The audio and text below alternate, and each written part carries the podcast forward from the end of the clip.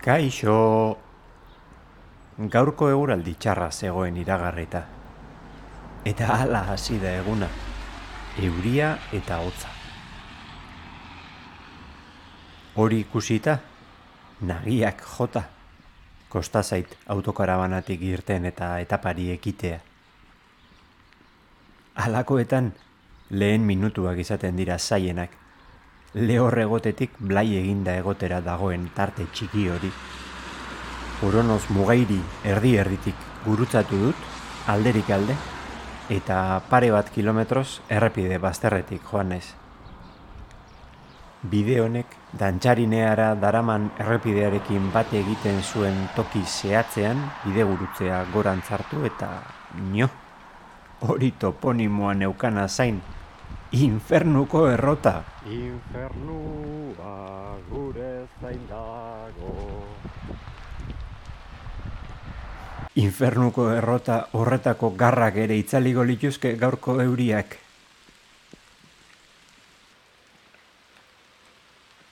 Iruzpalau kilometro egin ditut errepide bakarti honetan gora, etxe zahar eta berrituak ikusten. Ardiak urduri jartzen, eta azkarregota nire gorputza bero mantendu nahian. Mendibidea hartzean jabetu naiz euria etzela izango gaurko konturik desatxe ginena. Ordura arte neramatzan 6 kilometroetan mendi magalak babestuta joan naiz. Hortik aurrera zakar hartu nahu aizeak eta oso desatxe gina izan da. Gaurko pentsatuta neukan ibilbideak mendi gainak saiesten zituen eta ipar mendebaldearen babesean nengoenean egoera eramangarriagoa zen. Horretara ohituta bazaude, noski. Eguraldi petralarekin mendian ibiltzera ohituta nago. Alakoetan badakit, blai eginda eta hotzak egoteak amaiera bat izaten duela, ez dela betirako. Gainera, hotzari aurre egiteko, Ez dago korrika pixka bat egin eta berotu hon bat hartzea bezalakorik. Basoak eta mendibideak tartekatuz joan naiz, eta alakoan jerre amaika ebilbidearen markekin egin du topo. Akaso ez dizu ezer esango GR amaika ibilbideak, baina Pirineoak zeharkatzen ditu. Hegoaldetik, Mediterraneotik kantauri itxasora, edo alderantziz eta GR amarrak iparraldetik. Egunen batean egingo dudan abentura bat da bide hau. Zazpi ez dut amaitu eta beste abentura batean pentsatzen jada? Tira, epe luzerako helburuak izatea ez da txarra. Ilusioak eduki behar dira, ez da? Ez dago presari. Duela la urte esan nionean bezala neurologoari, amar urte barru nepalera joango naizela. Alakoan, lur pista bat hartu dut eta mendin bagalean zehar apurka-apurka igotzen nindoan. Urrunean, zerbait bitxia ikusten nuen bidearen albo batean. Iritsi eta bunker bat.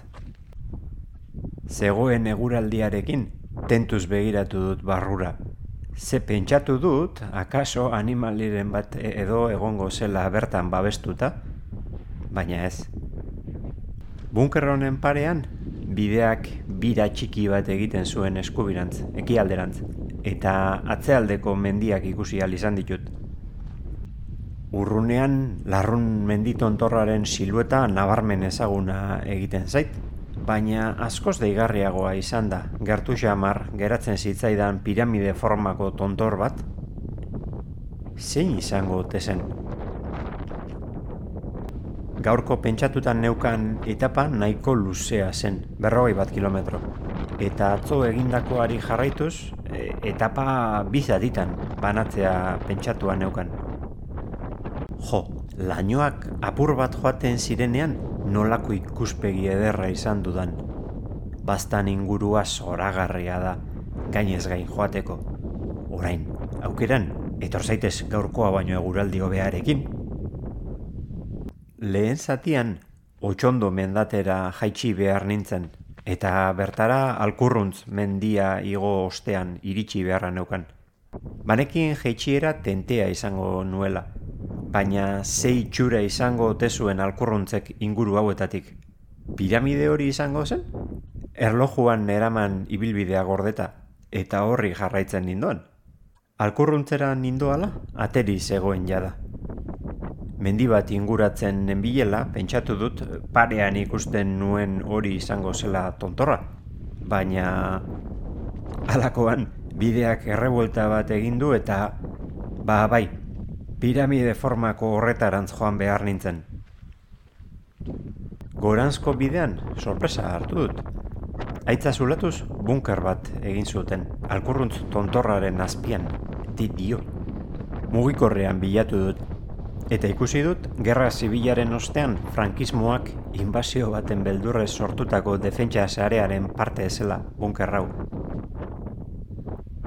Eta akordatu naiz, Ander Izagirrek eraikuntza hauei eta esklabu errepublikanoei buruz idatzitakoaz. Mugako eraikin eta errepide hauek haiek sortu zituzten, behartuta. Tontorrera iritsi eta berehala eguraldiak okerrera egin du bapatian. Elur maluta batzuk eta dena erori zaizkit. Tontorraren bestaldean, bunkerraren sarbide ilun berri bat. Oraingoan, goitik beherakoa. Peio eta Iñaki kontrako norabidean, otxondotik gora, igotzekoak ziren dronearekin grabatzera, baina eguraldi honekin ezinezkoa izan da. Buelta eman behar izan dute. Gainera nire susmoa baiestatu da, jaitxiera tentea neukan alkurrontzetik aurrera. Belarra bustia zegoen eta ez nuen labanduta erori nahi erlojuan neukan ibilbideaz paso egin, eta ikusi ditudan marka batzuei kaso egin diet. Poliki, baina seguru jaitsi naiz otxondora. Eta jaisten ari nintzela, erabaki irmoa hartu dut. Bapo gaurkoa. Hemen utzi dut etapa. Ez neukan jarraitzeko gogorik, eta gitxo. Aurreko lau egunetan zintzo betetzen joan naizen plana ikutara bidali dut jarraitzeko moduan nengoen? Bai, baina zertarako?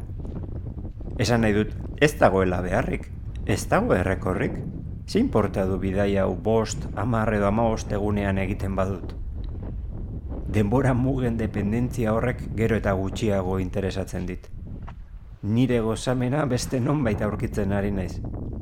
Bidaia egitean bertan, adibidez? Gaur hogeita bat kilometro egin ditut eta ia mila bosteun metro gorantzigo. Gustora nago, eta gaurkoz nahikoa dela uste dut. Eta niretzat hori ondo dago.